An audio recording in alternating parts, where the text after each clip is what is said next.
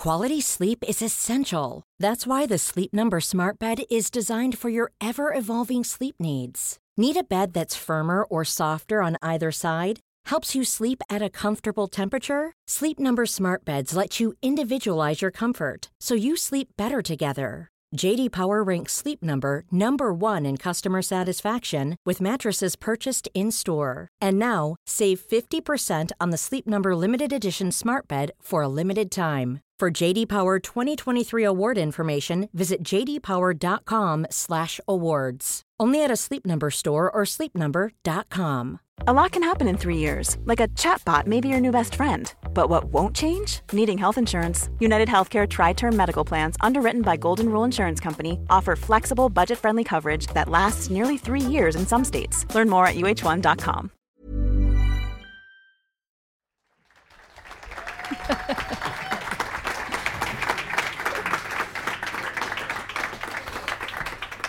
Jeg blir så glad for at det er den veien. Jeg tar ned den lampa, jeg, så jeg Gjør det. ser det. Koselig. Kan jeg Det blir litt mindre koselig å se på, men det får bare gå. Nei. Velkommen til eh, Kometen i Drammen og til denne rekommanderte episoden som skal handle om maneter. I stolen overfor meg, dama som bl.a. har skrevet den meget populære boka 'Verden under vann', marinbiolog Pia V. Dahl. Koselig. Man sitter godt her. Gjør det. Jeg hadde liksom venta eller så for meg at man skulle sitte på sånn barkrakk, og nå skal vi være seriøse. Så jeg har kledd på meg for anledningen. Nå ble jeg liksom Skal jeg Jeg vet ikke hvor jeg skal sitte. Der. Men altså, la oss holde det enkelt med en gang, da. Ja. At, for jeg, eh, jeg har advart deg. Jeg må bare stille det dummeste spørsmålet med en gang. Er maneten et dyr? Ja, det er det. Og det er ikke et dumt spørsmål. For det er en sånn De ser jo ut som svømmende blomster. Ja, Så jeg tenker at det er helt innafor å spørre. Jeg var ikke helt sikker sjøl før jeg begynte å studere. er det sant? Tror det. Ja, for jeg har jo sånn På landjorda så er jo liksom soppen er en sånn, mellom, mell, et sånn mellomvesen. Jeg hadde om sopp her en gang, og han som eh, var ekspert da, var ikke helt sikker på om vi kunne si at den var vegansk. Nei. For det var liksom borderline. Ja. Jeg følte liksom at maneten mangler mye av kriteriene for liv. Eller for å være liksom Ikke liv, men for å være et dyr, da. Dyr, ja. Jo, det er jo det er eh, godt Det er ikke dumt uh, tenkt, egentlig. Men maneten har Det er definitivt et dyr. Tilhører dyreriket og er eh, heller ikke det mest primitive av dem engang. Så Oi. den er litt høyt oppå der og nikker. Uh, det var et nettsted jeg kom over, apropos sopp, som påstod at de var eldre enn sopp. Ja, Hvor gamle, hvor lenge har vi hatt manet? gamle. Uh, de er vi, å, Det er et godt spørsmål. Er det 700 millioner år eller noe sånt nå? Nå drar jeg et tall litt sånn ut av ræva. For jeg innså plutselig at jeg glemt å sjekke ut.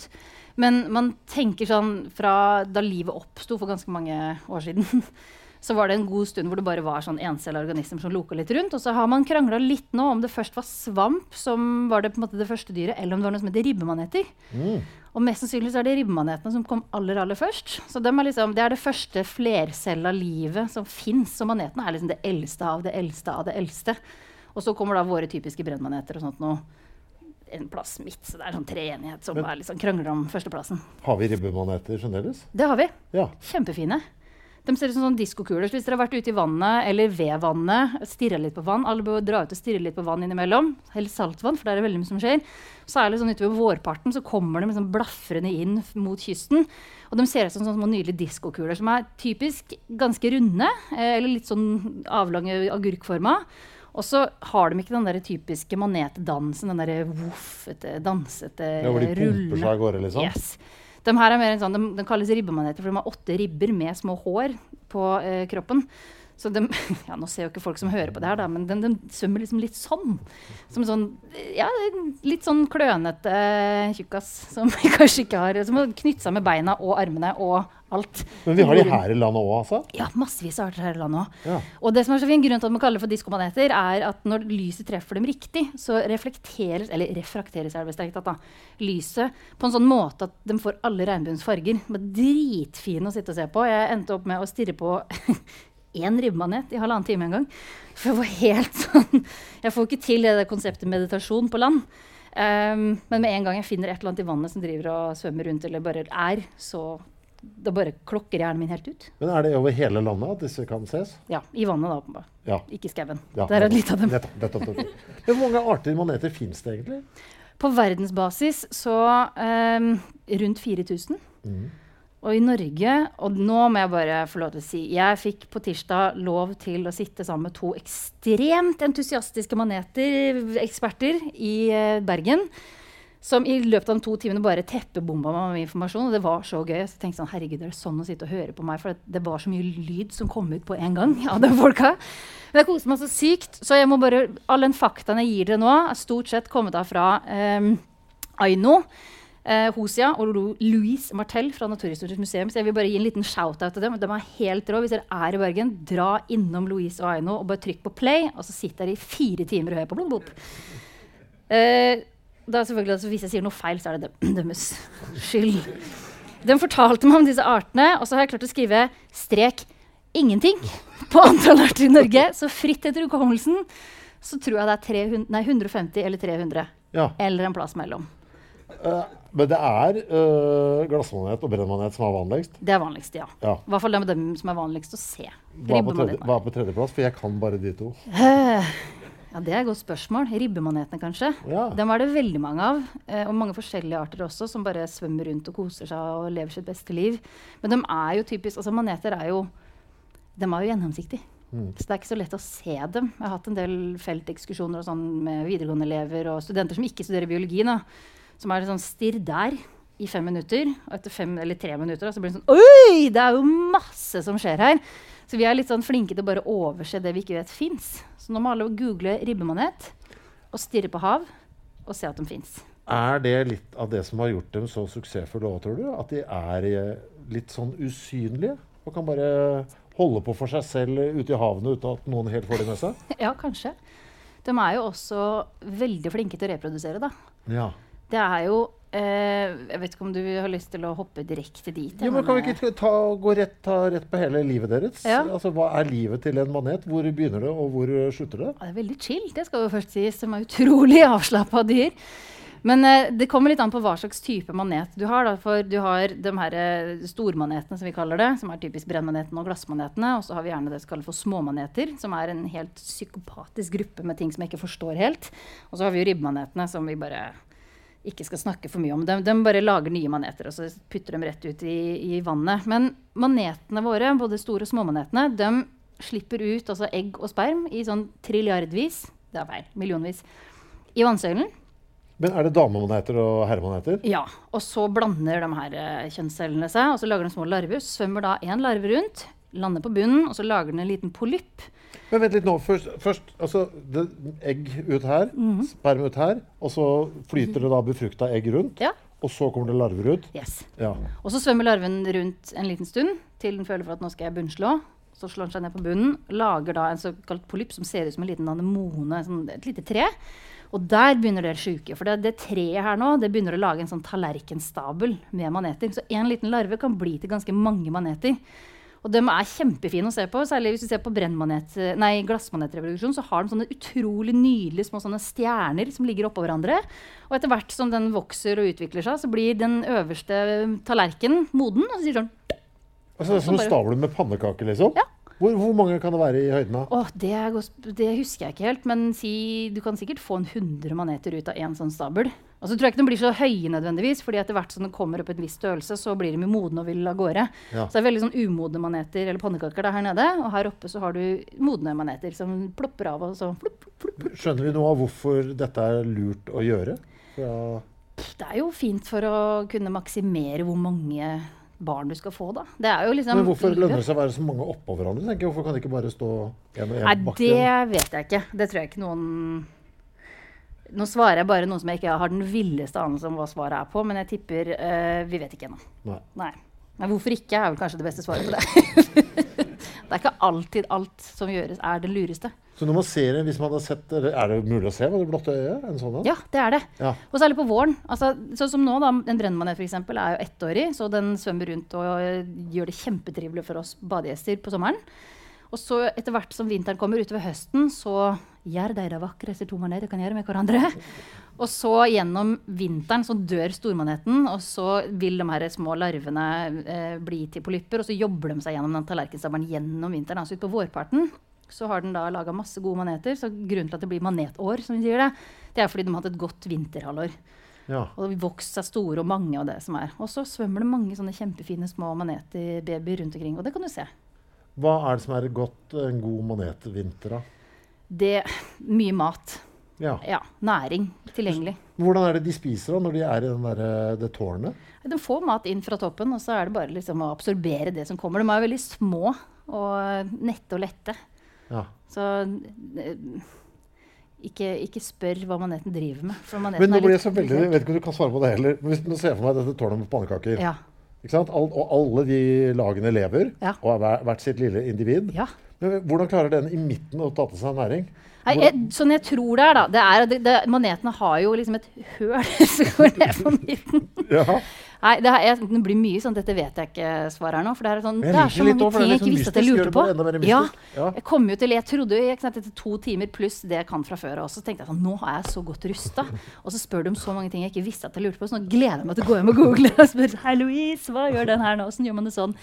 Uh, så med sånn akademisk gjetting så vil jeg tro at enten så kommer det inn via et en sånn, si, grunnrør på midten, som Ja. bare forsyner alle med det de trenger. Eller så er de så små at de bare kan ta til seg næring over, eh, gjennom huden. Ja, ikke sant. Men eh, ja. Men når den da letter og begynner uh, livet, ja. hva Flyter den bare rundt vilkårlig, da? Ja, da, da vokser den og vokser den til den blir den maneten vi ser i dag. Og så svømmer det rundt, og så er det på'n igjen. Men det er da vanlige maneter. Eh, så tenker jeg, Da jeg satt og lærte om den der livssyklusen, tenkte jeg kanskje det burde vært en egen episode. For det er så mange forskjellige strategier. Så jeg tenker vi holder oss til akkurat den der sånn, fordi Særlig når det kommer til disse her, eh, småmanetene, eller hydrosonene som heter, så er det så mye rart. Og det, så, det blir sjøsjuk av alle de rare strategiene. For du har én larve som blir til flere polypper, som blir til én ny eh, manet, som blir til flere dyr som sitter sammen, og så kan den klone seg. Og det er Ja. Hjernen min sprengte litt da Men det er noen som kan klone seg selv òg, bare lage kopier? ja, det var særlig én manet som da de, han, Louise viste meg et bilde som eh, de har tatt hvor du har én liten sånn polypp eh, altså Det ser ut som en blomst. Hvor du har mange små klumper på den polyppen, som da skal bli til nye maneter. Og så hadde de et bilde av en voksen manet med en lang tråd under seg. Og det er da én sånn klump har blitt til én sånn manet, og én manet får en sånn derre klonetråd som henger under seg. Hvor det var masse små klumper og helt sånn identiske maneter. He det hang en hel liten minimanet på den store maneten. Der, altså, så da, da snakker vi liksom millioner av maneter fra én liten larve. Og det sprengte huet mitt.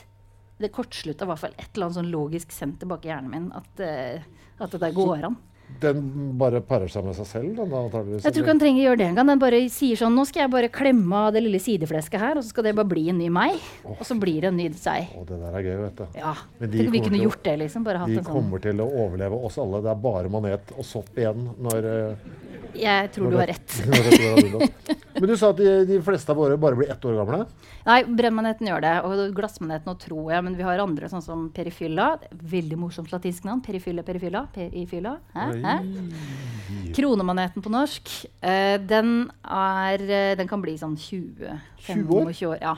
Så det er en sånn gammel røver som bare vokser og vokser. Kan bli sånn halvmeter i diameter eller sånt nå. Eller 30 cm er det kanskje. Det veier 3 kilo. Eh, Ko-ko greie. Og Den har vi her, den Den har vi masse av her. Og den er utrolig vakker. Den lyser i mørket.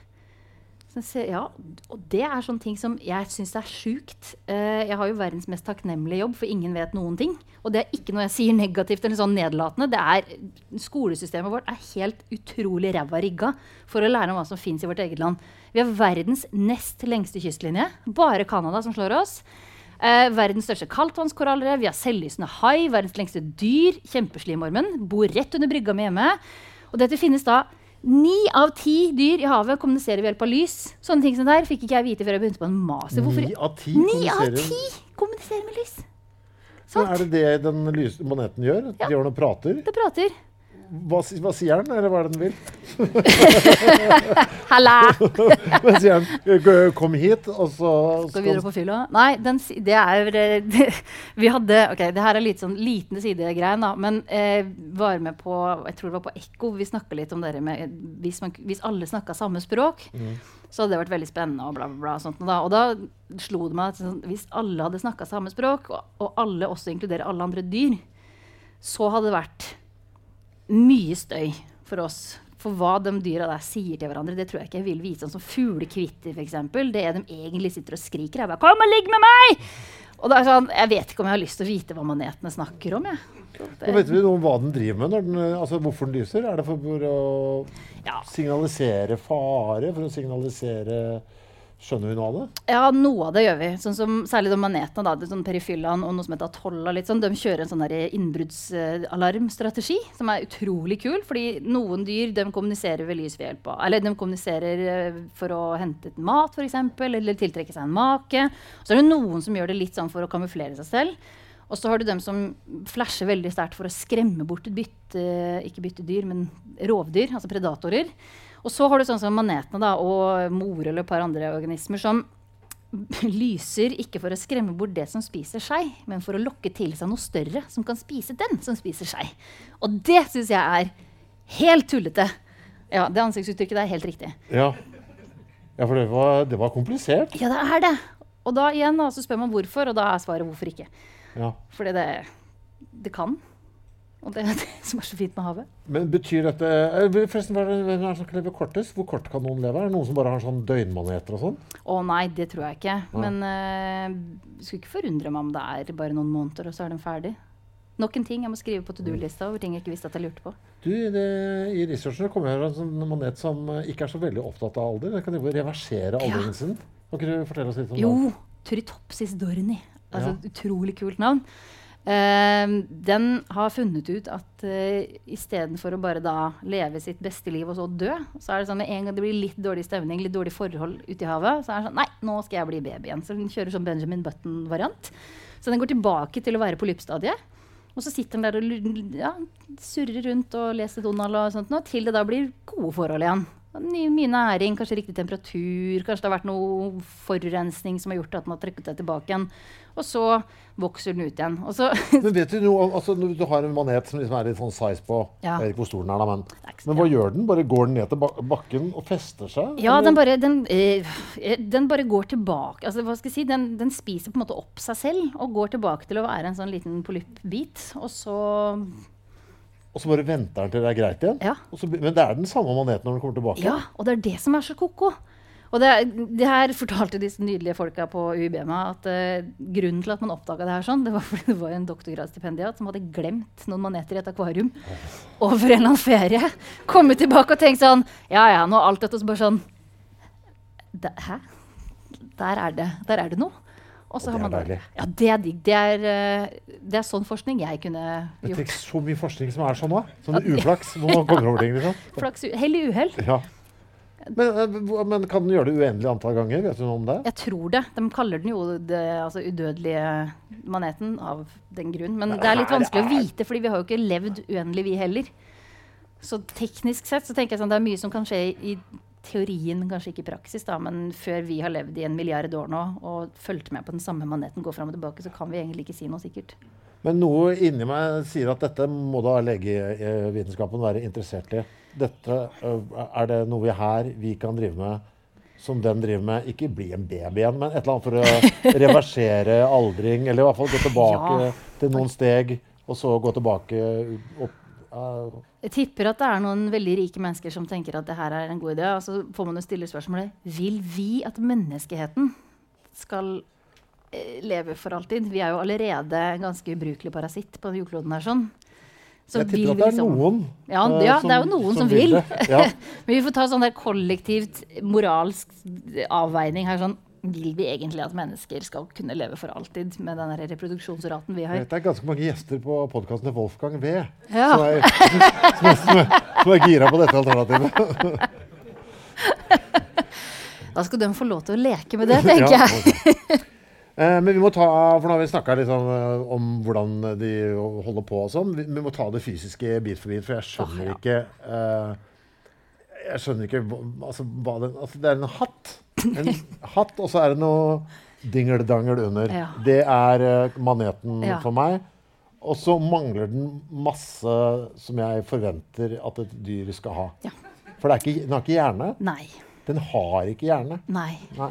Og den har ikke noe ordentlig muskulatur. Den har bare muskelceller som ligger delvis i den ytre biten. Hva mener du? Altså, den har ikke Jeg vet ikke mer enn det! Men altså bare, altså, den har muskelceller, men ikke muskulatur? Ja, nei, og det her er litt av grunnen til at jeg synes det var så gøy å kunne komme og snakke om For maneter gjør meg veldig forvirra. Ja. Og det er eh, maneter altså ta, Vi kan ta utgangspunkt i en glassmanet. At Ja. Det er liksom standardmaneten vi snakker om her nå. Den har, sånn man, uh, det vi lærte på, på skolen, ett cellelag på utsiden som er litt sånn hm, Kanskje den ikke har det heller.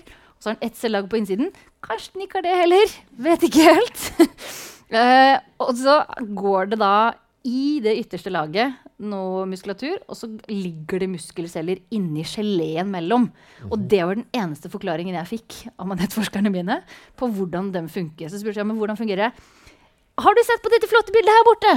Så jeg tror liksom, vi, Forskerne er kanskje litt forvirra på hvordan det der funker i praksis. Men de trekker seg nå sammen. Um, Og det er det disse muskelcellene som gjør Noe, Ja. ja. Uh, og så har du da Det er jo ikke noen organer annet enn et høl.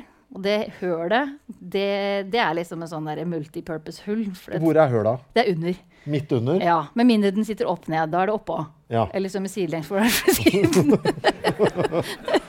så maneter er en sånn Dette er den, og så har du 9000 andre måter å gjøre det på her borte. Eh, som nok en grunn er en sånn det, det her er en veldig forvirrende type dyr. Men glassmaneten har hølet på undersida Ja. hvor mat kommer inn, og bæsj kommer ut, og kjønnsceller kommer inn og går ut. Og det er et sånn som sagt, altså det er et kloakksystem hvor alt det er bare Ja. Multipurpose Multi- døråpning. Multipurpose orifice, har vi likt å kalle det. Ja. det.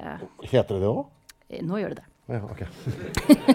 Men inni den der, eh, hatten, Ja. det ba, hva, vet du noe hva den geleen er for noe? Nei, det kalles mesoglea, og inni den mesogleaen så er det noen muskelceller, og så er det noen andre typer celler, og så er det noen celler som ikke vet hva de driver med, og så er det bare litt sånn, sånn struktur, egentlig.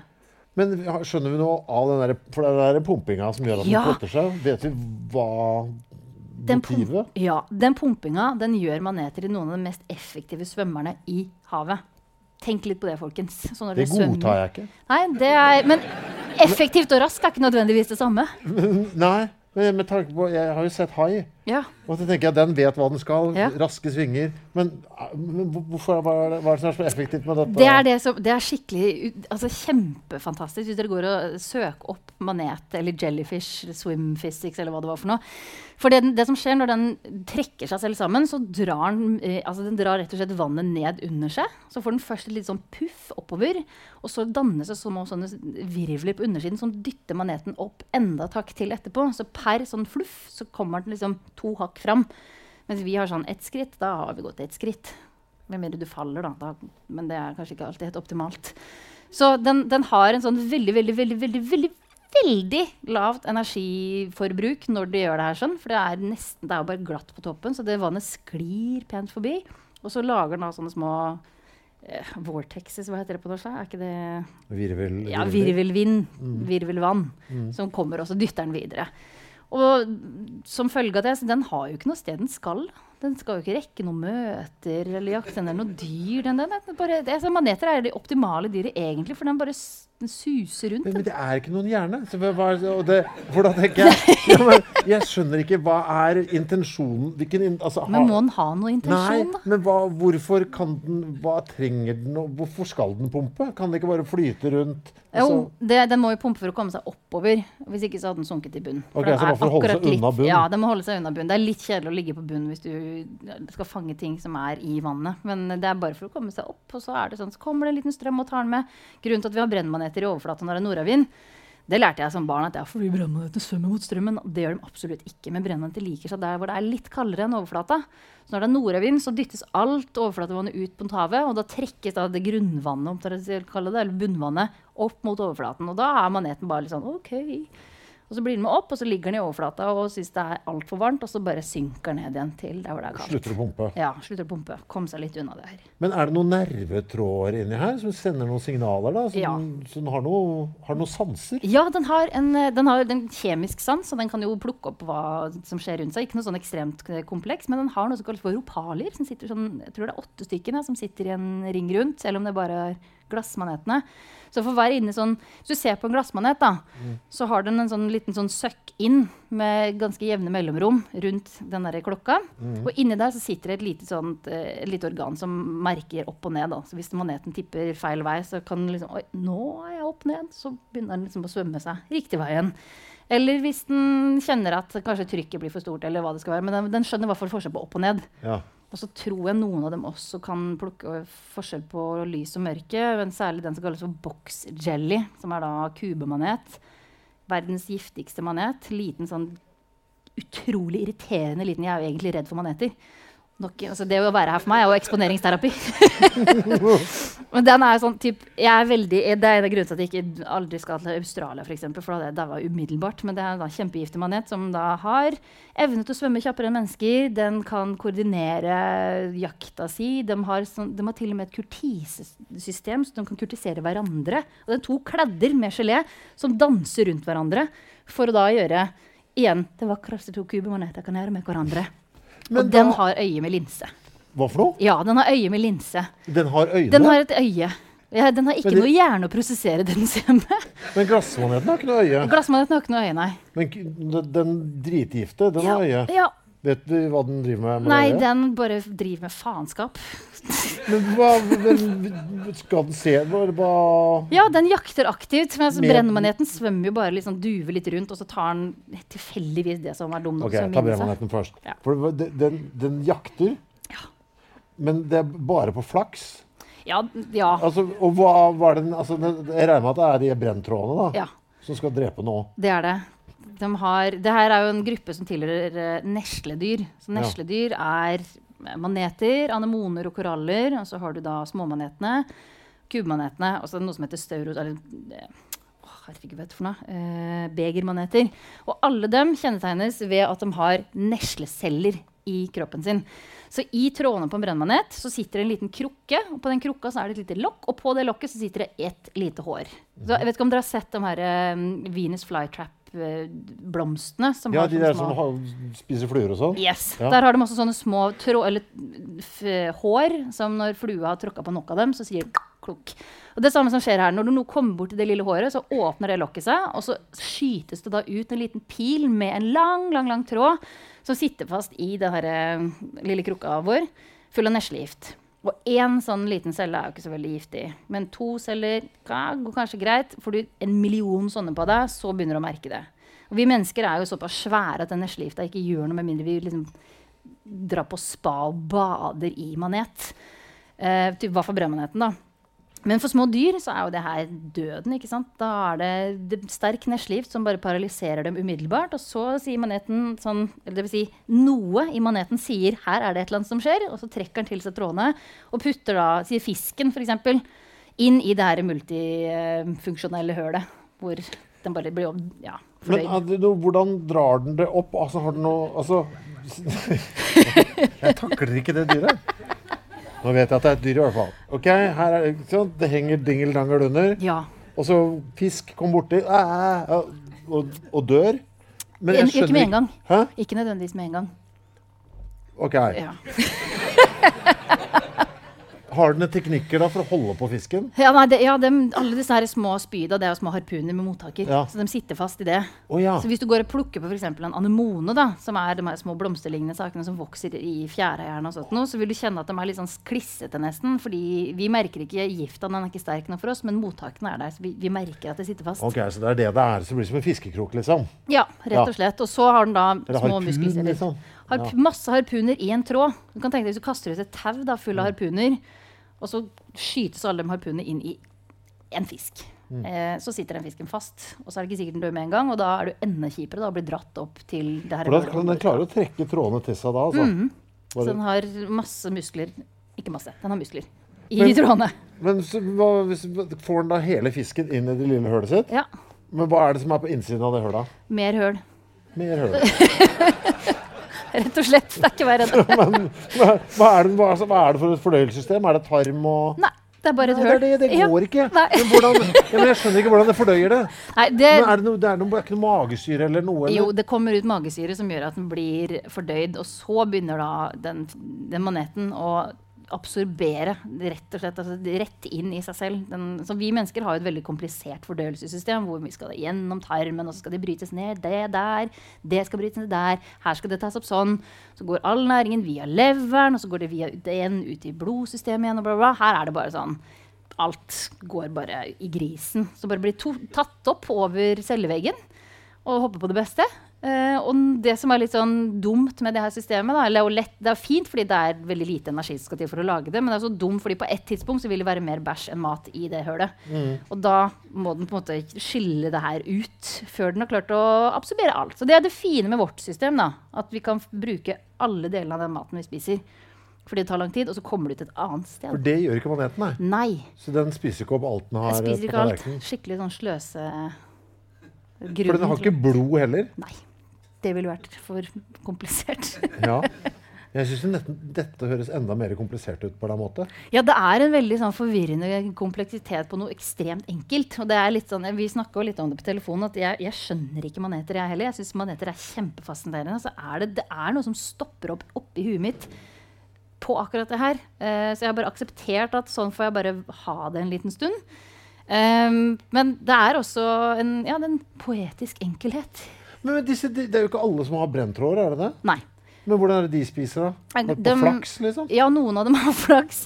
Eh, glassmaneter har ikke noe særlig brenntråder. Nei. Nei. de har ikke noe særlig brennceller. De har det faktisk inni i. Så hvis du åpner opp en glassmanet og smører det i trynet, da kan det hende at du kjenner at det stikker eller prikker litt i trynet. Ja.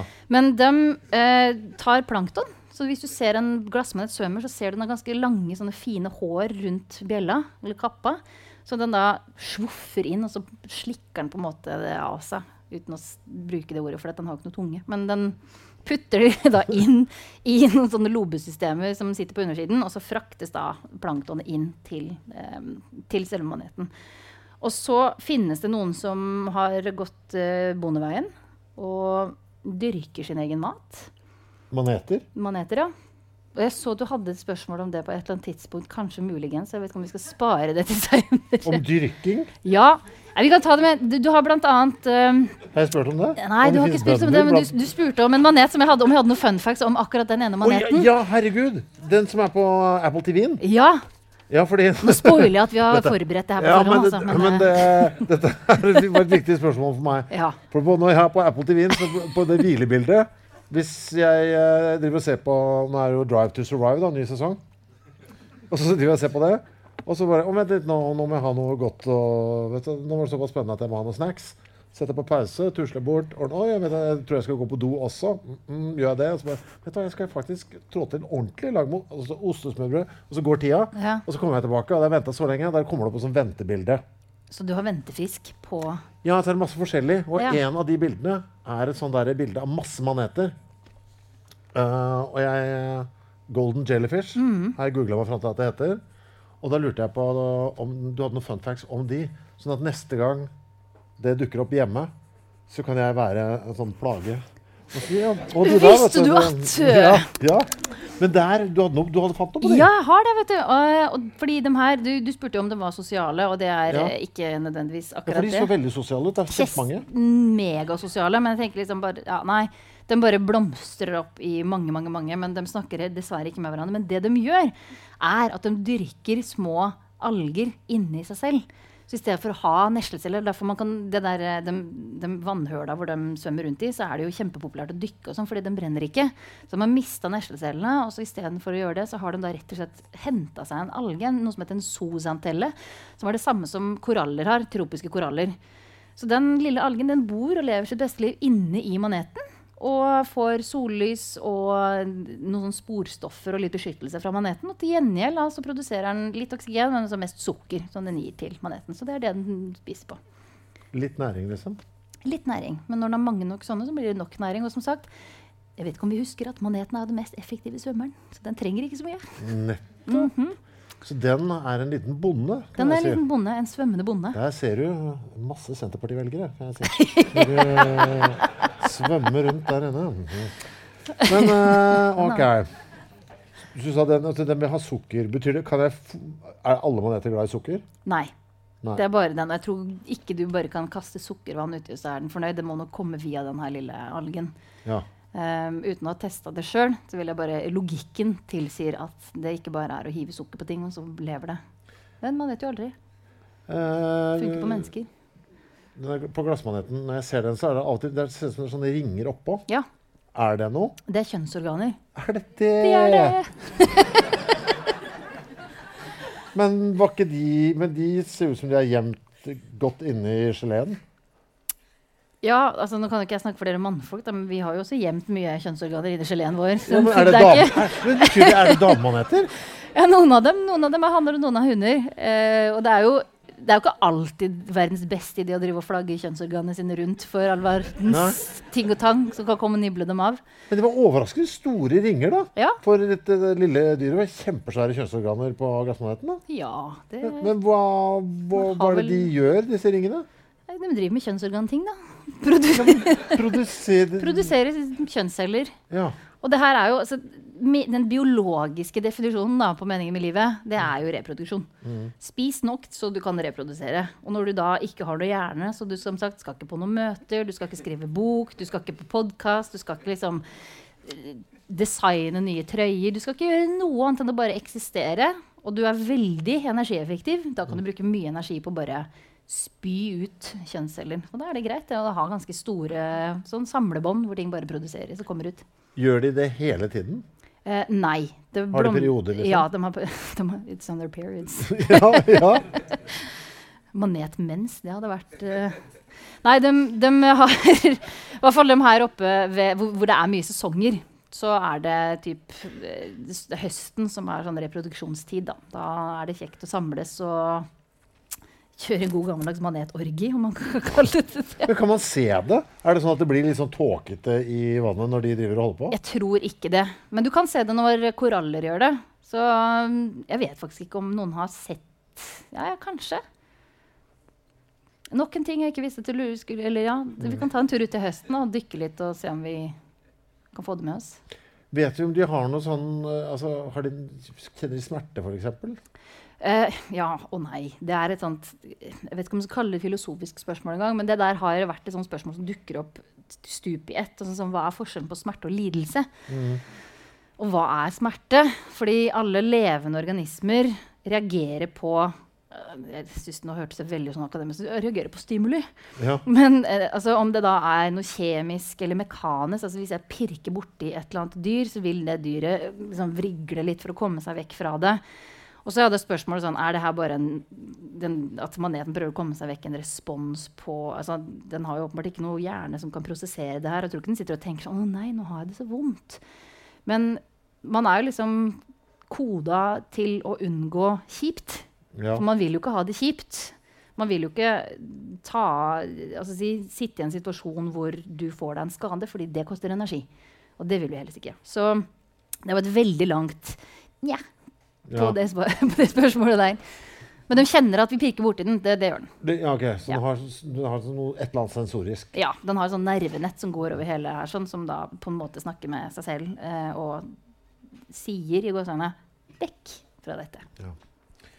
Eh, hva er den største maneten som fins? Vet du det? Ja, der, um, Du har en sånn enorm manet i Japan som har vært en pest og en plage. Som jeg mener du kan huske blir cirka, kan, kan bli to meter i diameter. Og det samme Over er, hatten, liksom? og det det samme er. Mm. den rødbrennmaneten. Den vi har her. Den her oppe tror jeg ikke blir så stor, men jeg vet at den kan bli nesten to meter i diameter over hatten. den også. Og en- en plass mellom 30 og 50 meter tråder. Så det, og det er jo kjekt, det, når du da bare gjør sånn her. Fluff, nå skal jeg bare synke litt, og så sprer alle trådene seg utover. Altså, hver gang jeg er i vannet, så får jeg manet et eller annet sted i fjeset. Mm. Fordi det er alltid en tråd. Hva er det største en brødmanet kan spise av? Hvor, store, store ting kan den døtte i seg? Det er jo utrolig godt spørsmål, fordi noen av dem har et ganske statisk høl, om det går an å si. Og da får de plass til det det hølet rommer. Men så finnes det noen maneter i dypet eh, som er ganske fleks. Som da rett og slett kan Jeg lurer på om ikke det, den ene maneten jeg leste opp, kan spise ting nesten ti ganger så stort som seg selv. At, ja, og det er en sånn strategi nede i dypet, for der er det ikke så mye mat som svømmer forbi alltid. Og da er det veldig lurt å kunne utvide magesekken, enten du er fisk eller manet. eller hva det er for noe. Fordi når det kommer noe mat forbi, så spiser du den maten. Ferdig snakka. Uansett om det er kjempesvært eller ikke. Så det kommer an på dyret. Men har den magesekk som sådan? Nei. Det er det jeg hører det. Ja, det er det hølet. Det er det hølet. Det er det hølet. Er det noen begrensning nedover? da? Hva er det minste vi vet om? Eller kan du ha sånn bitte, bitte, bitte Én celle. En celle? En celle. Det finnes parasittiske brennmaneter. Og det syns jeg er utrolig kult. Tenk at det fins. Den har bare funnet ut at nå skal jeg bare bli den minste versjonen av meg selv. En bitte liten, eller det er kanskje ikke bare én celle, men et par små celler bare. Som sitter inni i et annet dyr og bare er Ja, den bruker neslecellene sine til å bare sitte fast. Ja. Og ete på den, liksom? Ja.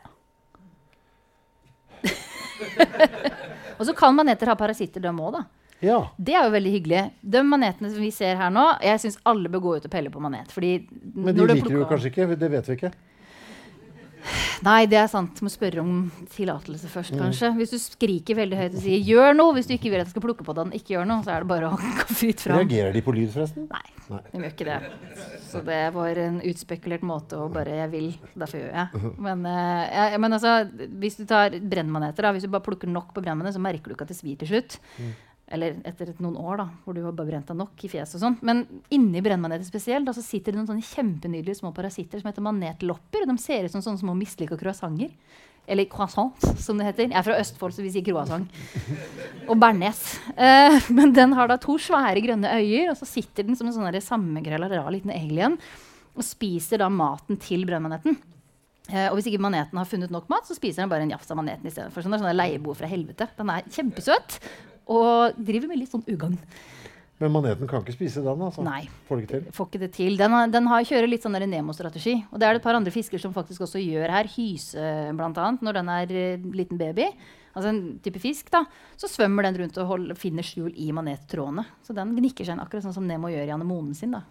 Men er, det, er den da immun mot giften, da? eller? Rett og slett. Det tenker jeg må være kjempesmart. Vi, er det forskjellige, disse giftene? Eller er det stort sett samme gift som går igjen hos alle manetene? Det er, eh, Hos stormanetene så er det samme gifta, og jeg har ikke helt klart å finne ut hva slags nøyaktig type gift det er. Det er nervegift, alt som er, men det er ikke, det er ikke lik behandling på alle giftene. Så det her tenker jeg Sandtorp kanskje skal få lov til å svare på. Men det der med å når du skal, Hvis du har blitt veldig brent, da, så er det forskjellige strategier ut fra hva slags manet. Ingen av de strategiene er for øvrig å tisse på seg selv.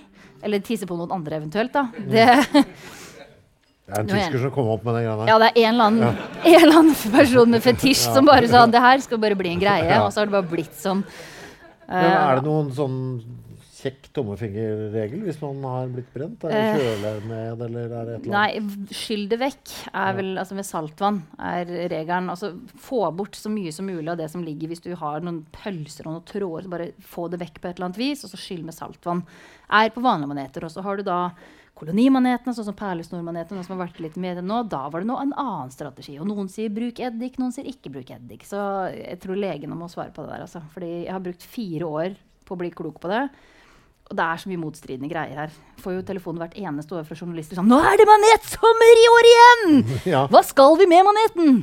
Og hvor mye må vi tisse på det? Det er liksom standardspørsmålet hvert eneste år. Du, hva skal vi med den, ja? Kan den spises? Er det mat, eller? Ja. Eller vi kan ta, vi kan, okay, vi kan ta svaret på det første spørsmålet. Hva skal vi med maneten? For jeg Ja. synes Lene Libe Delseth hadde eh, et kjempefint svar på det der sånn i boka 'Brennmaneteffekten'.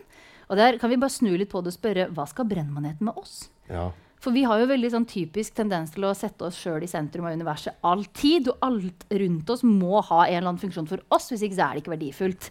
Eh, og maneten har jo absolutt ingen interesse av oss. Den kan ikke spise oss. Den blir jo bare ødelagt av at vi er borte og peller på dem. Eh, men vi kan spise manet. Det er ikke veldig næringsrikt, men det er nok av dem. Så det er, liksom, det er fint. Eh, maneter er jo mat for veldig mye. Så vi spiser en del ting som har spist manet. Hva er sånn det som som- spiser manet, da? Det er jo veldig fascinerende, for Før så trodde man at det bare var månefisk og havskilpadder. Og så har man funnet da veldig mange sånne små typiske fiskeparasitter inne i maneter. Som igjen da har ført til at man altså Grunnen til at man vet at månefisk og, og skilpadder spiser dem, er fordi vi har sett det. Men vi kan jo ikke stirre på alle fisk i hele havet. ikke sant? Og når du har spist en manet, så er det veldig vanskelig å finne igjen den maneten fire sekunder etterpå. For da er den bare mm. Så vi, det er ikke så lett når du åpner opp en fisk. Det er typisk sånn man lærer hva dyr spiser. Og du fanger en, eh, og så åpner du den opp, og så ser du oh ja, her er det sånn og sånn. og sånn og sånn. Kanskje noen fiskerester, men maneten er jo ikke noen rester. Bortsett fra nå da, så har man funnet alle de her type parasittene i maneter. Så man har funnet ut at maneter er mellomverter for den parasitten, fordi man har også funnet den igjen i fiskemager. Så det var også et veldig langt svar på veldig mange fiskearter. Ja. Jeg har ikke en liste til det her og nå, men mange nok. Og så kan man, Jeg vet at det var noen kinesere her i 2007 som hadde lyst til å bruke da perifylla som salatingredienser. For den har blitt en pest og plage i Sognefjorden, og Lurefjorden og Trondheimsfjorden. Så er det veldig mye perifylla. Den er allergisk mot lys. Så vil si at når den kommer i nærheten av lyset, det er ikke kødd engang, den har noe som heter porfyrin, så den er veldig rød og vakker. Og det porfyrinet, altså den rødfargen, den går i oppløsning når den reagerer med lys. Da bare spiser den opp seg selv. Eh, så det man tror er at Grunnen til at det er så mange av dem her nå, er fordi fjordene våre blir bare mørkere og mørkere. Oslofjorden er et godt eksempel. Her er det jo bekmørkt hele året fordi det er så mye partikler i vannet. Så den er blitt, den har eksplodert. Så da fant man ut at ja, men hva om vi bare fanger alle disse, tørker dem, og så knuser vi dem og strør dem på salat. Så det er jo noen år siden, og det har ikke skjedd noe siden. Så jeg mistenker at det kanskje ikke var verdens mest vellykka konsept. Men eh, jeg vet at det, det tørkes og spises andre typer maneter. da, Lungemaneter og sånn. En del sånn skikkelig kjøttete maneter rundt omkring. Men du sa at det blir mer eh, Var det brennmanet? Fordi Perifillaer. Ja. Ja, De der kronemanetene som lyser i mørket. ja.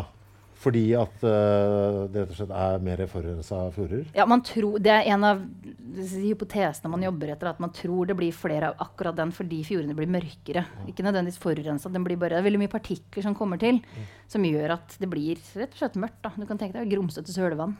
Men jeg har jo en sånn følelse sånn generelt på at uh, manetene kanskje er en av de få livsformene som kan liksom takle klimautfordringene. Er det noe Hva tenker du, som jobber med det?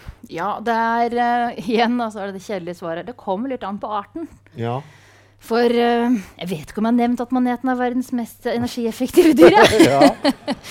Så de, de krever jo ikke så veldig mye. Uh, de har en enkel oppbygning. Det som er så lurt med å være lagd av gelé, er at du heller ikke trenger å bruke energi på å bygge kroppen, for du har bare noen stoffer som reagerer med vann, og så, så har du gelé. Em, men det som skjer når vannet blir varmere, det er at det blir mindre oksygen i det. Det er sånn typisk, det kan sikkert Sandtorp danse for deg i form av lyrisk dans. Men da er det sånn alle væsker, når de blir oppvarma, så utvider de seg, og så slipper de løs gasser. Da, inkludert alt det oksygenet. Det, det forsvinner. Så de tåler på en måte den biten, fordi de tåler ganske lave oksygenkonsentrasjoner. Samtidig så, sånn som brennmaneten, da, ikke særlig fan av varmt vann. Um, og havene våre blir også surere. Og det er ikke så fett. Så når karbondioksid reagerer med vann, så blir det karbonsyre. Det er det samme som skjer i cola, f.eks. Der er det også karbonsyre. Eh, så manetene syns jo ikke det er så kult, for det, det tuller litt til en del av de her veldig enkle greiene som skjer inni kroppen på dem. Kan de bli syke? Kan de få sykdommer? Ja, det kan de. De, de har jo parasitter, som jeg har nevnt.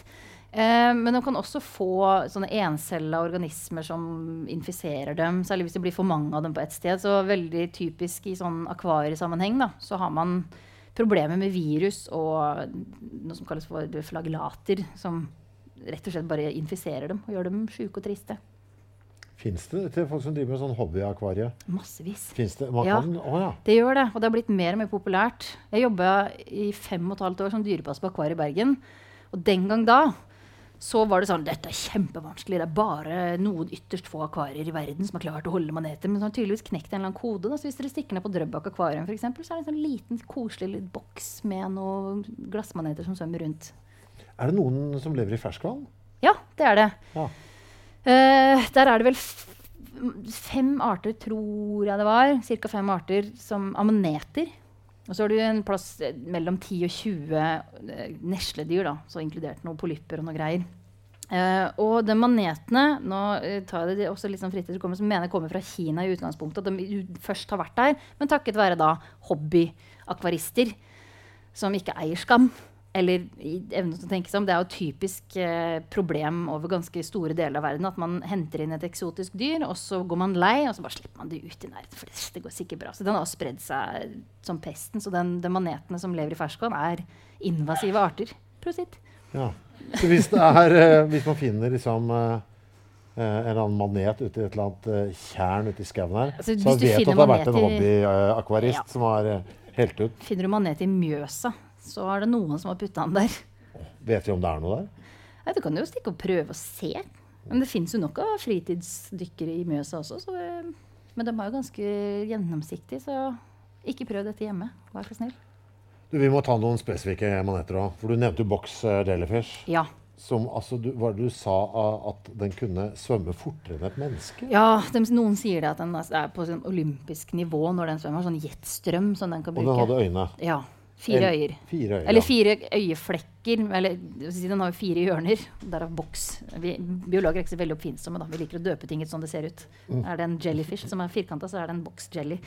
Um, men ja, i hvert hjørne så sitter det en klump med opptil jeg tror det seks-syv øyeflekker, på en måte, som da kan se i forskjellige retninger. Og den har tilsynelatende også da en linse. Som jeg tror det bare er fortsatt er snakk om lys-mørke, men jeg lurer på om også den kan se retningen lyset kommer fra.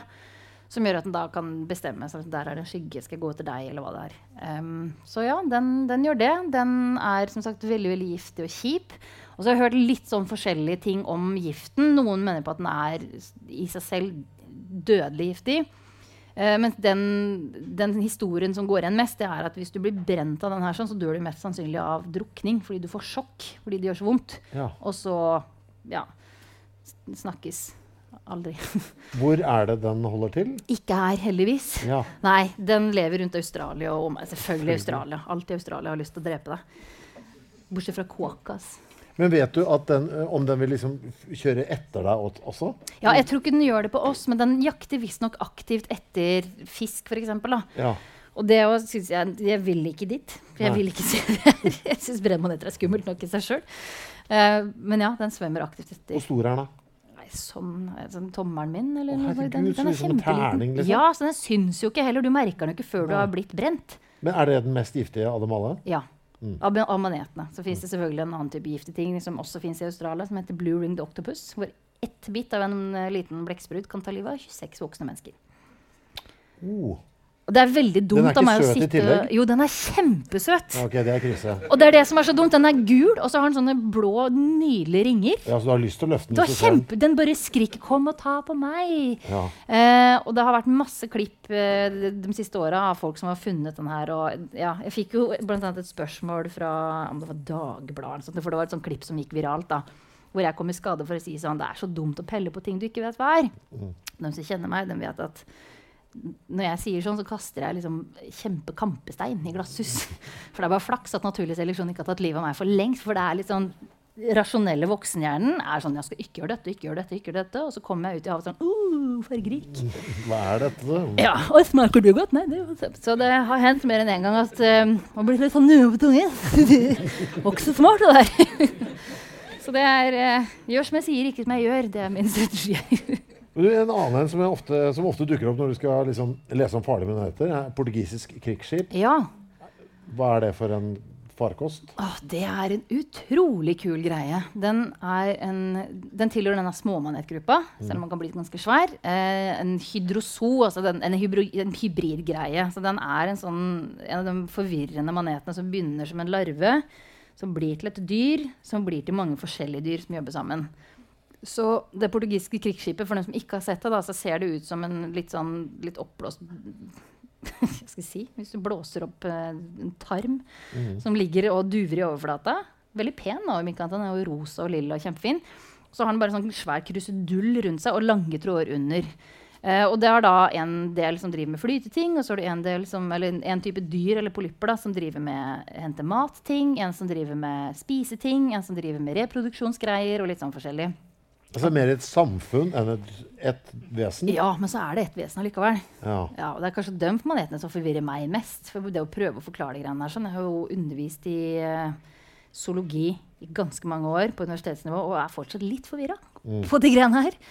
Men det er uh, rett og slett bare de, de, de lager altså Det er litt sånn vanskelig. Jeg snakka også litt med de her forskerne om det, og de var, de var på mitt lag at det er veldig forvirrende. For man vet ikke helt åssen du skal definere det. Er det ett dyr? Har den organer? Kan man snakke om det? Er det flere? Skal man definere det som flere dyr fordi det er forskjellige typer liksom, polypper som jobber sammen? Men alle kommer jo fra samme sted. Så jeg, jeg, velger å tenke at det er en sånn blanding mellom et kollektiv og en organklump. Den er farlig, den òg? Ja, den er farlig, men ikke, sånn, ikke, like farlig som den kanskje har fått rykte på å være. Da. Men den brenner mm. Uh, og er i familie med en del morsomme arter som vi har her. Som f.eks.? Hulaskjørtmanet. Hulaskjørtmanet. Igjen er det sånn, er det en stjerne i sjøen, kaller vi det sjøstjerne. Er det et blått skjell, da er det blåskjell. Så her er det en manet som ser ut som den har, den har masse sånne flotte klokker i en liten sånn pølse som står rett opp nede i vannsøylen. Og så har den et skjørt med sånn kjøttfylte tentakler rundt seg. Og så noen sånne små tråder under der igjen. da. Og den svømmer veldig sånn bop, bop, bop, bop, bortover, akkurat som en huladanser. Hvor er det vi kan se den da? Den kan vi se hvor som helst. Ja. ja den, er, den, finner du hele året overalt, men du skal ha litt flaks, da. Eller uflaks, i mitt tilfelle. Sånn, 'Å, den var fin'. Altså, ja, for den brenner? Ja, det gjør den. Ja. Hvor mange maneter har vi her i landet som brenner? Er det sånn at de fleste brenner? Uh, ja, de fleste brenner. Men den brenner, så, ja, men den brenner, ikke så, mye at vi merker det. Nei. Så det er tror jeg glassmaneten som på en måte ikke brenner. Bortsett fra ribbemanetene. Ribbemanetene brenner ikke, for de tilhører en annen gruppe eh, som er liksom på siden av der. Sånn. Så vi har jo vi mennesker liker å putte ting i bokser. Så vi har liksom Svamp er en boks, nesledyr er en boks, eh, bløtdyr er en boks. Og sånt nå, og så har du da ribbemaneter og nesledyr er to forskjellige bokser. Så de er liksom søster, Men de har lagd av gelé, så da kaller vi dem maneter. Fordi vi er ikke oppfinnsomme nok til å finne på noe annet. Du, krystallmanet. Ja. Hva er det for en krabat? Å, den er veldig fin. Den ser ut som en glassmanet, men istedenfor å ha de her fire kjønnsorganene, som, som den flotter seg med, så har den mange sånne tynne striper som går ut fra kanten istedenfor. Uh, vi har et par arter av den her, og så har det en på andre siden av Atlanteren som lyser i mørket. Og fra den krystallmaneten så har man plukka ut et lite protein som heter grønt fluoriserende protein. Og det proteinet det har bare tatt verden med storm. Uh, den har revolusjonert uh, medisinen. Den har vært med å løse åtte medisinske gåter, inkludert en del kreftforskning og, og hjerneforskning. Og i 2008 så vant den forskerne som jobber med denne maneten og det proteinet, nobelpris i medisin den. Altså, nå ser jo ikke jeg så mye, men Hvor mange av dere har vunnet nobelpris? som sitter i salen? Vi de har blitt out nobelpris av en fuckings manet. Og det er flaut. Nå må vi skjerpe oss. Men Hva er det den gjør, da? Hva er det, hva er det som er så bra med dette lille proteinet? Hva, kan det gjøre med det? Det lyser jo hvis du, du kan putte inn forskjellige Altså du kan putte det genet som koder for selvlysenhet da, i, som det er, inn i celler. Som gjør at du kan skru på f.eks. Du kan fortelle denne cellen at du skal skru deg på når du får uh, strøm gjennom det. Mm. Og hva er det som skjer inni hjernen vår når vi tenker? Jo, det er strøm som forflytter seg fra A til B. Så du kan på en måte putte den inn i Og du kan lyse opp forskjellige deler av hjernen da, for å finne ut hva er det vi bruker når vi tenker på sukker. Eller hva er det vi tenker på Nå skal jeg tenke på stress. Og da er det plutselig noe baki her som bare flasher skikkelig høyt. da. Det var veldig fritt etter hukommelsen. Snakk med lege om det her, for nå tror jeg kanskje jeg får kjeft for hvordan jeg forklarte det. Men det er dette jeg tenkte på i stad. Fordi eh, da har vi brukt eh, maneten til noe ordentlig nyttig. Ja. Mm -hmm. Og så tenkte jeg på dette, denne Benjamin Button-maneten. Ja. Som gjør at liksom, det er noe Det er et eller annet der, ass. For å reversere noe greier. Skulle ikke forundre meg en flekk om det finnes noen som jobber med det her i det skjulte. Nei, og jeg tenker også Hvis du sier at det er den beste svømmeren, for den har noe lurt der, at den kan få dobbelt så mye ja. guffe Det må jo være noen som driver med det. det, er det. Til, det er det. Det er det. Og det er litt gøy, for her har vi to forskjellige typer. Eh, nå skal vi lære av naturen. Du har det med å plukke ut eh, kjemikalier og bruke det til vårt eget. Penicillin, f.eks., eller den fluoriserende proteinet. Eller limet til rur, som nå har funnet ut at de kan bruke til sårlim. Det er bioprospektering. Mm -hmm. Og så har du biomimikry. Hvor vi bare tar hele former eller funksjoner eller strukturer, og så hermer vi etter det.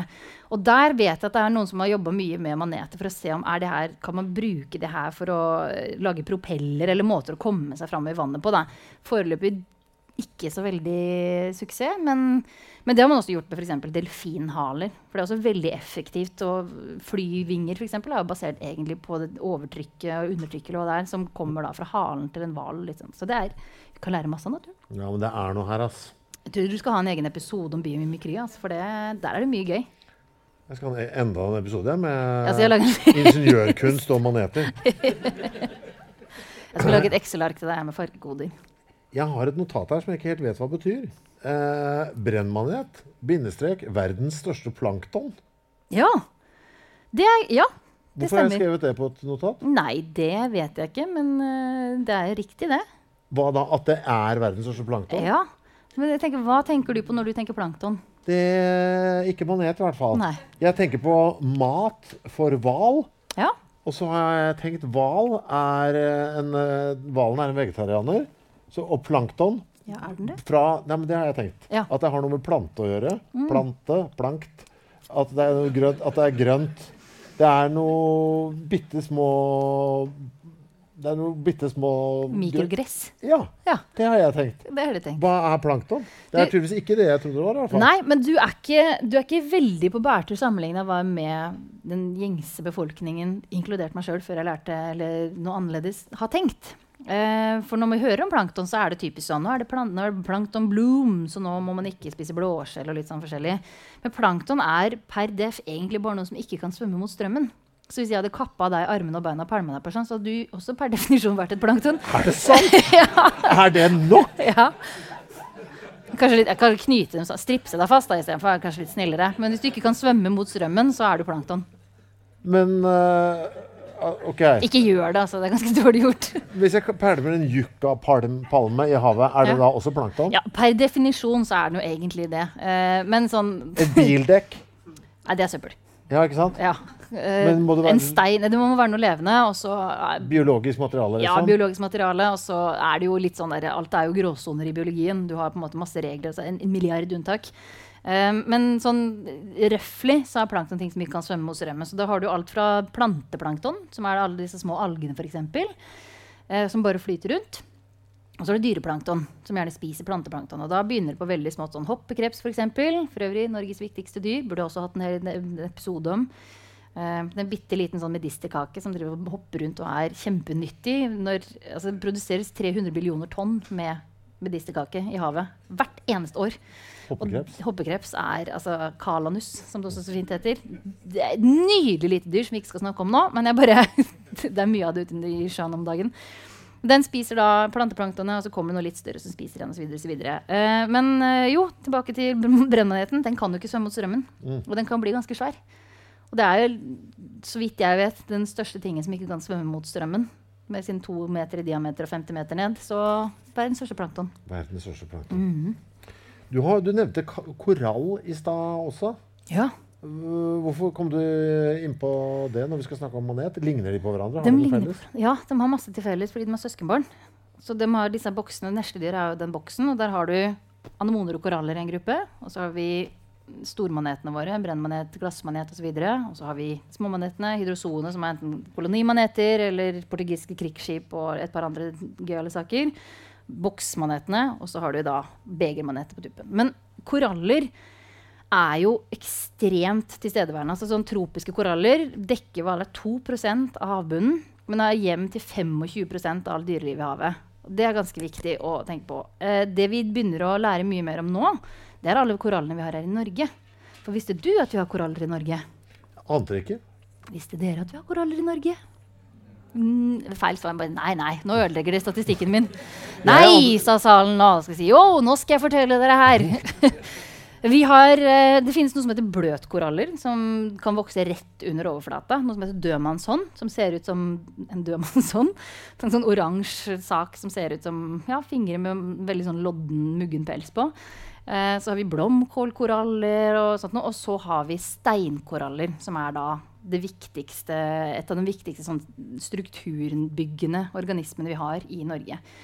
Og Norge har, og det her er synes igjen helt sjukt at ikke jeg visste før jeg begynte på en fuckings master i marinbiologi, verdens største kaldtvannskorallrev, ikke de tropiske, men kaldtvannskorallrev, finnes i Norge. Så vi har Great Barrier Reef i Australia. Det er disse tropiske korallene som har en sånn symbiose med alger. Og så har vi de dyp- eller kaldtvannskorallene i Norge. Så vi har vårt eget Great Barrier Reef her utafor Lofoten. Hvor stort er det? 45 km langt. Og så er det vel 3,5 km bredt. eller noe sånt. Og det er enormt. Og det er ett av sånn 200 000 kjente forekomster. Eh, som også gjør at vi har verdens største forekomster av korallrev her. Og i Trondheimsfjorden så ligger verdens grunneste kaldtvannskorallrev. Og på Tisler hjemme i Østfold, på Hvaler, der ligger verdens største innaskjærs kaldtvannskorallrev. Så Norge har mye rekorder utover Northug og fyllekjøringa hans. Og det eneste grunnen til at vi snakker om det her, er når vi driver med forurensning. eller skal bore etter olje. Det synes jeg er helt tullete at ikke de her har kommet på Unescos verdensarvliste. Fordi de er så viktige for så mye rart. Kan du tenke deg den Bjørvika? Hadde du bare hatt sånn enetasjes hus der nede, så hadde du ikke fått plass til så veldig mange. Men vi skal bygge i høyden, og da får man plass til masse mennesker. Og sånn er det med korallrev. Den bygger i bredden og i høyden. Og innimellom alle disse korallene så vokser det og bor det masse rart. Reker og børstemark og leddsnegler og slangestjerner og alle mulige rare ting som du aldri har hørt om før. Men hvis vi har verdens største, betyr det at den er så svær at det bor ting der som kun bor der? Ikke kun på det revet der, men der har vi liksom fint sånn sett at det er veldig lett å komme, eller spre seg. Mm. Fordi hvis skulle vi hatt ytre befruktning her i, på land, det er vel bare trærne egentlig som driver med sånt, eller kanskje noen sopp også som sprenger. Det blir jo litt sånn bare å, jeg vet ikke hvordan jeg skal si det uten at det blir veldig feil. du, kan, du, kan, på en måte ikke bare kaste kjønnscellene dine ut i lufta og håpe på det beste her på land.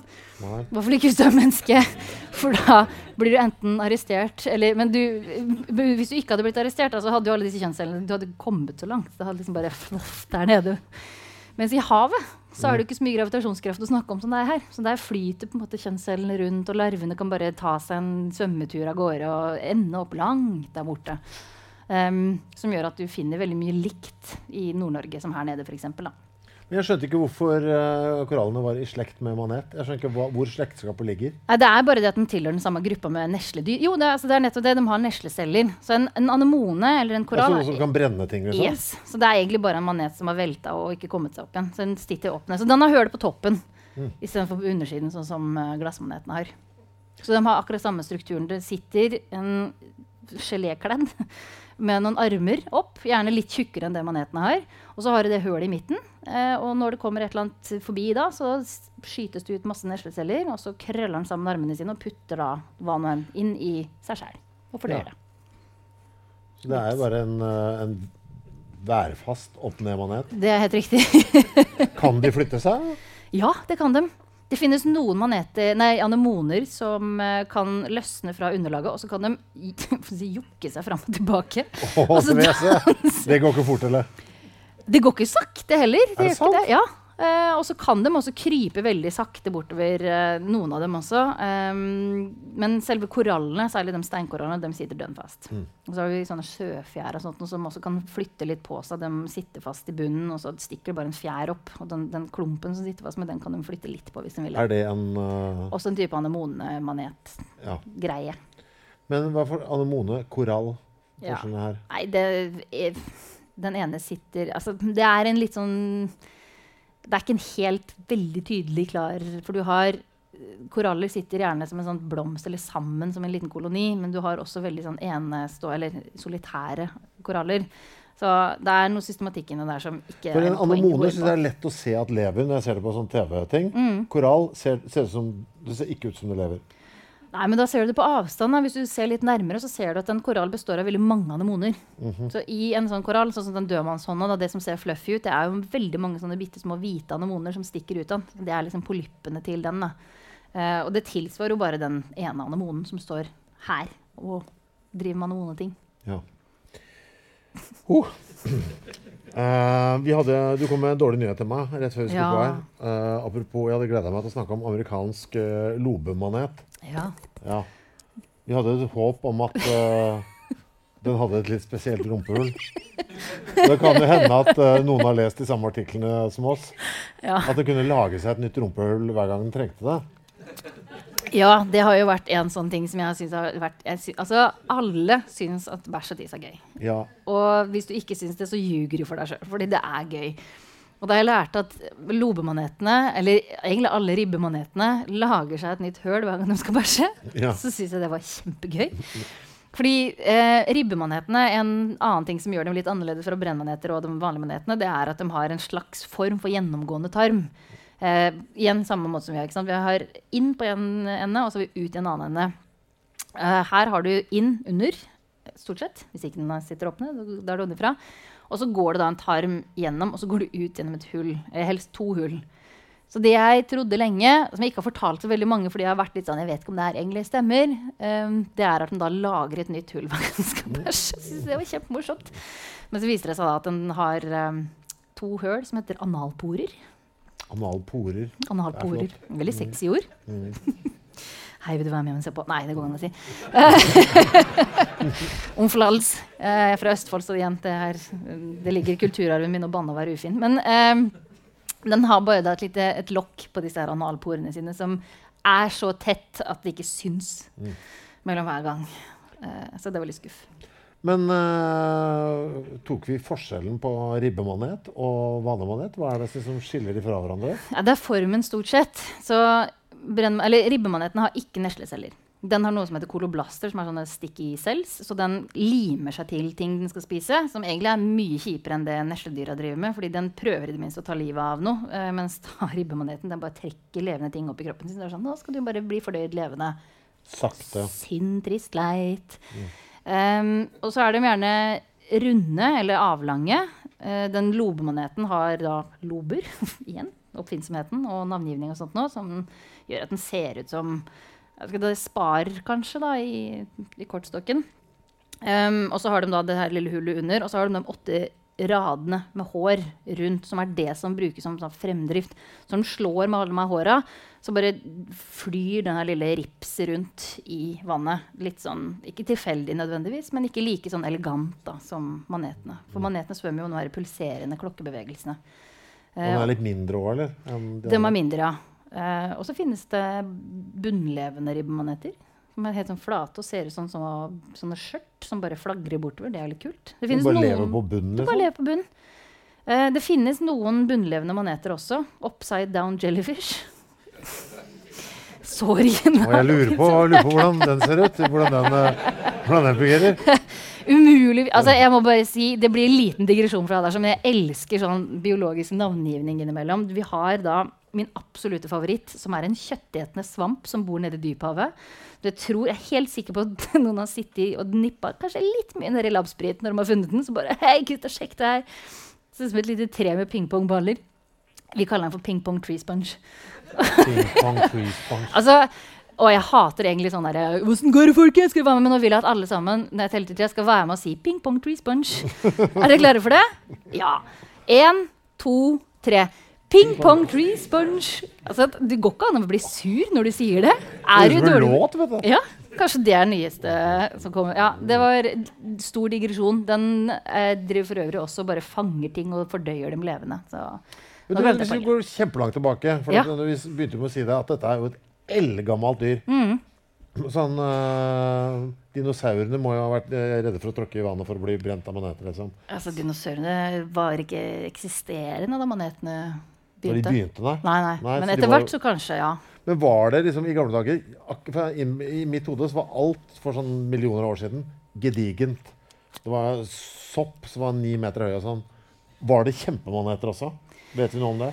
Nå Jeg har lyst til å sånn- si ja, men vi vet ikke. Nei. Nei. Det er litt Ja, for det er kanskje vanskelig sånn fossilmessig med manet. Ja. Er ikke så Du skal veldig mye riktig forhold til for å få det. Altså, Men hvordan, hvis vi ikke har fossiler, hvordan kan vi vite at de var så gamle da?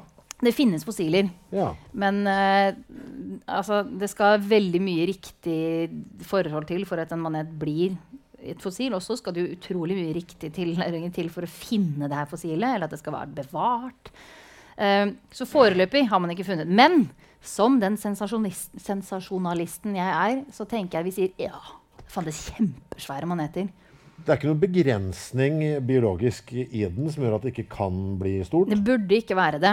Det kan hende jeg er litt ute på tynn is nå, men jeg, jeg, med tanke på hvor lite den trenger av energi, eh, og at det mesteparten bare diffunderer altså du, Den får jo oksygen og alt sånn over gjennom huden.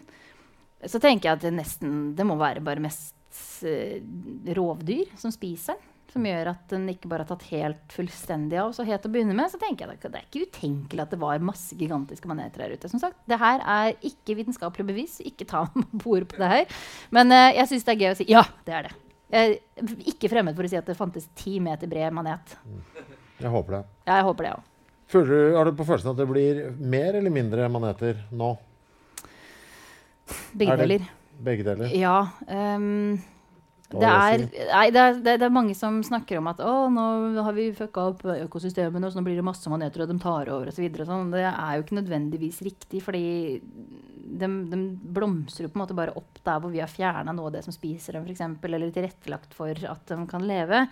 Og noen ganger så kan det hende at vi har bare flytta hvor de bor, til et sted hvor vi ser dem bedre. Så havet er, unnskyld uttrykket, jævlig svært. Ja, det er det, altså. Eh, og vi ser ikke så mye av det, fordi det er mye lettere å gå en tur i skauen enn å rusle seg en tur ned i tareskogen eller bare være i vann og stirre på manet hele tiden. Så jeg tror ikke vi skal tenke for mye på om det blir mer eller mindre nå. Og uansett om det blir mer, så er det ikke det bare trivelig, det? De kan være på hvilken dybde som helst. De Ja. finner på de dypeste dyp òg. Ja. Jeg er ikke sikker på om de finnes helt nede i Marianegropen, men de kan finnes ganske dypt. Og det er jo utrolig pene, de manetene som er der nede. Hvis dere Ja. søker opp Deep Staria, f.eks. Den ser ut som Ja, hva skal man si det ser ut som? Den ser ut som Nei, det går ikke an å forklare. Det er et eller annet sci-fi-greier. Ja. Det er så mye vi kunne snakket om i dag. Jeg Ja. har en sånn, der, sånn, sånn tilleggsliste med ting som vi, jeg føler at vi burde vært innom. ja. Jeg skal bare lese det her. Kan du velge, plukke en av de? Oi, sånn ja. på tampen. Ja. Snegler med solcellepanel på ryggen. Mhm. Kjøttetende svamp. ja, den har vi vært innom alt. Så den rakk vi. Ja. Og hvorfor tarmsjøpung skal fikse Oslofjorden. er det noe som heter tarmsjøpung? Det er noe som heter tarmsjøpung. For er det så mye sånt Ja, ok, hva er Det Det er så mye, det er så mye hva- det er havnespy, tarmsjøpung Det er så Ja. stygge navn på alt. Det er ikke stygge, de er annerledes og beskrivende. Ja. Det er viktig å presisere. Havnespy den trenger jo ikke hete noe hyggelig, for den vil vi jo absolutt ikke ha her. Den kommer bare og dekker alt. Det er også en type sjøpung. Men sjøpung, sjøpung, tunikat, ja. sekkdyr Vent litt nå. Havnesby er en sjøpung. Ja, Det er en setning jeg kan si, og så stemmer den. det er helt riktig. Du vet det. Havnesby er en sjøpung. Det er Riktignok ikke tarmsjøpung, men en sjøpung. Ja. Ikke helt tarmsjøpunge, men, Nei, den er, men ja. det er en invasiv sjøpung i tillegg. Så den er meg en. Men hva, hvorfor skal tarmsjøpung fikse Oslofjorden når Havnesby ødelegger den? Nei, nå skal du høre her. Ok. Um, sjøpung er jo en av mine favorittorganismer. Det skjønner jeg. Det er, Jeg skal tatovere det på arvet. Jeg har altså begynt å spille et spill som heter Elden Ring, og der er faen meg sjøpung der òg.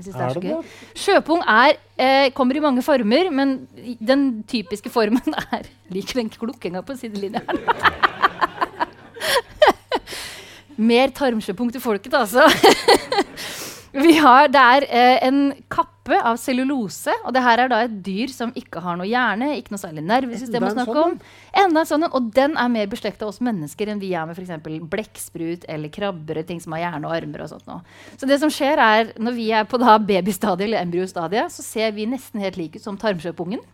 Eh, sånn det tarmsjøpungen gjør på det samme stadiet. Da. Så svømmer den rundt som en liten larve, og så slår den seg fast i bunnen, den også. Og så begynner den å spise opp halen sin, den begynner å spise opp hjernen sin.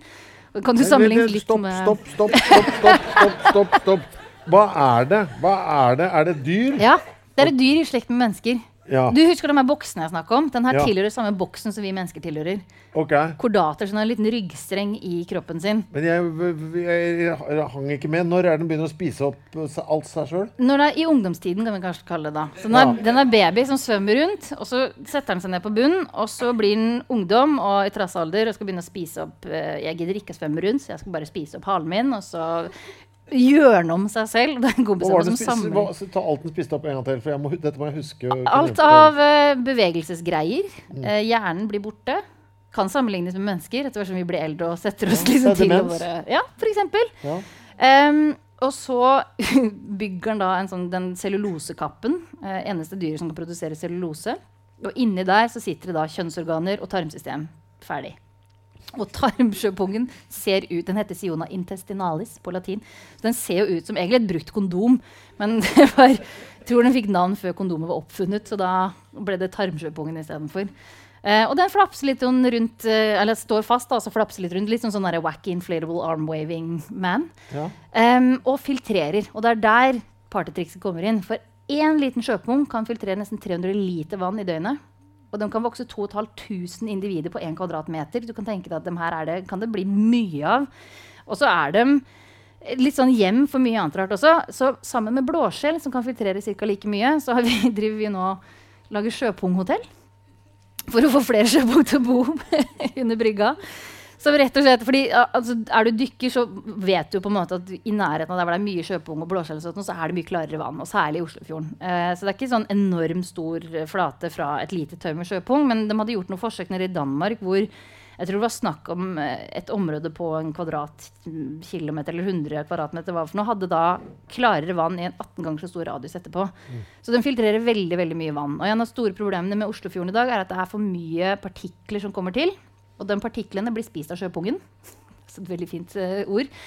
Um, og da, når de spiser opp partiklene, så blir det klarere vann. Og når det blir klarere vann, så kommer det mer lys ned til da disse fotosyntetiserende algene og sneglene og sånt som vi har.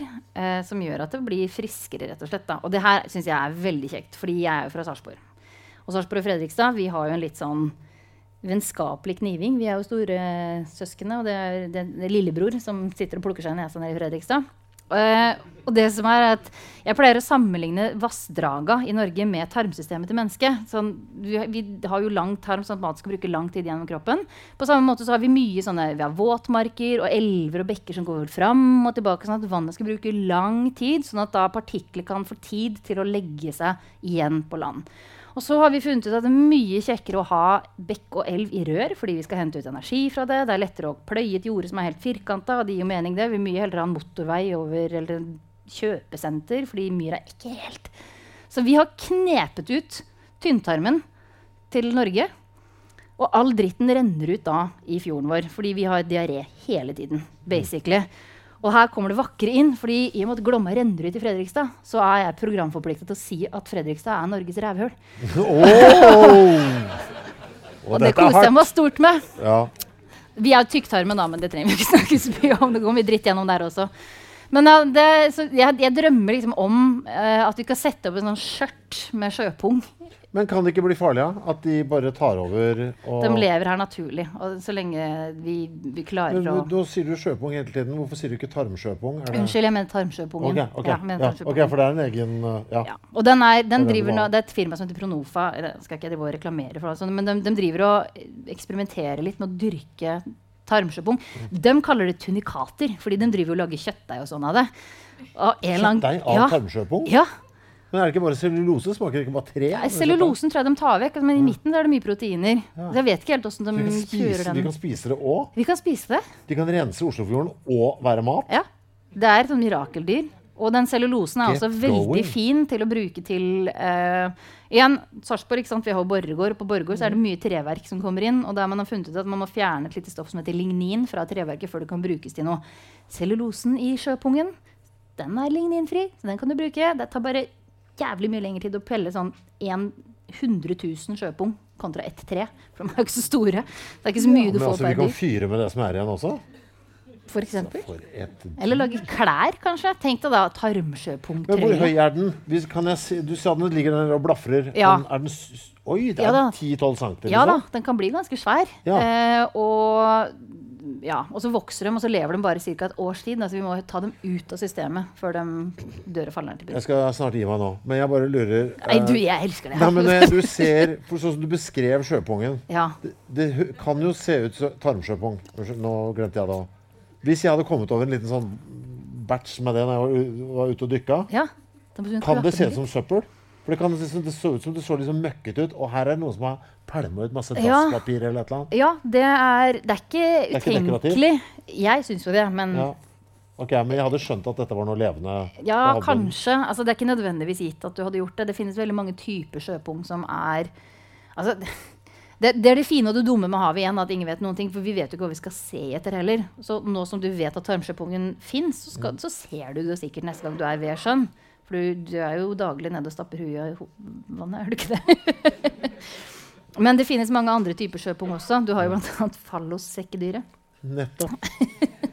som ser ut som noe annet enn en tarm. Eh, og vi har ripssekkedyr Eller nei, stikkelsbærsekkedyr og vortesekkedyr. Vi har en sånn, uh, invas, nok en invasiv sånn japansk sjøpung nå som ser ut som sånn stilk med altså Det er mye sånn alien-lignende greier. Den er veldig kul å se på.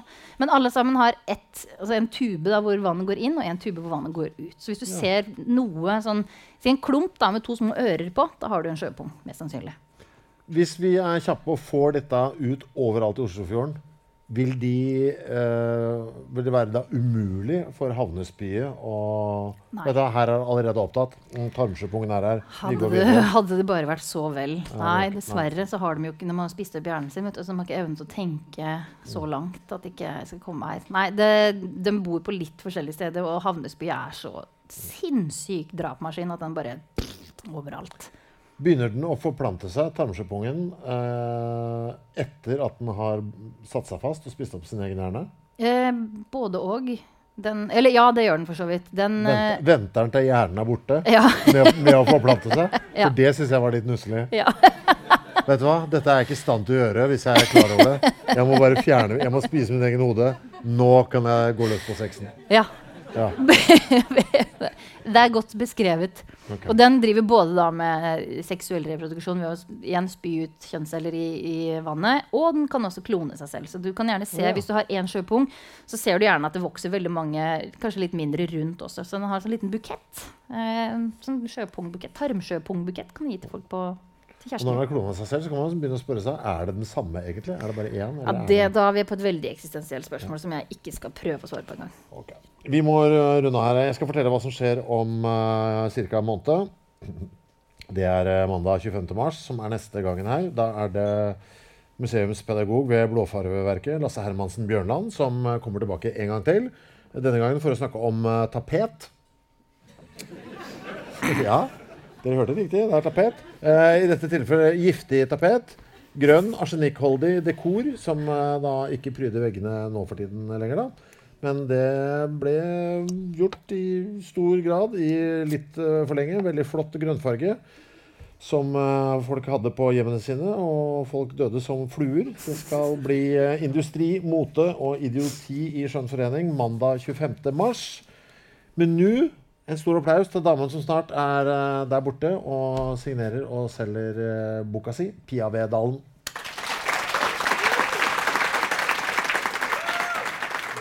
Produsert av Henry.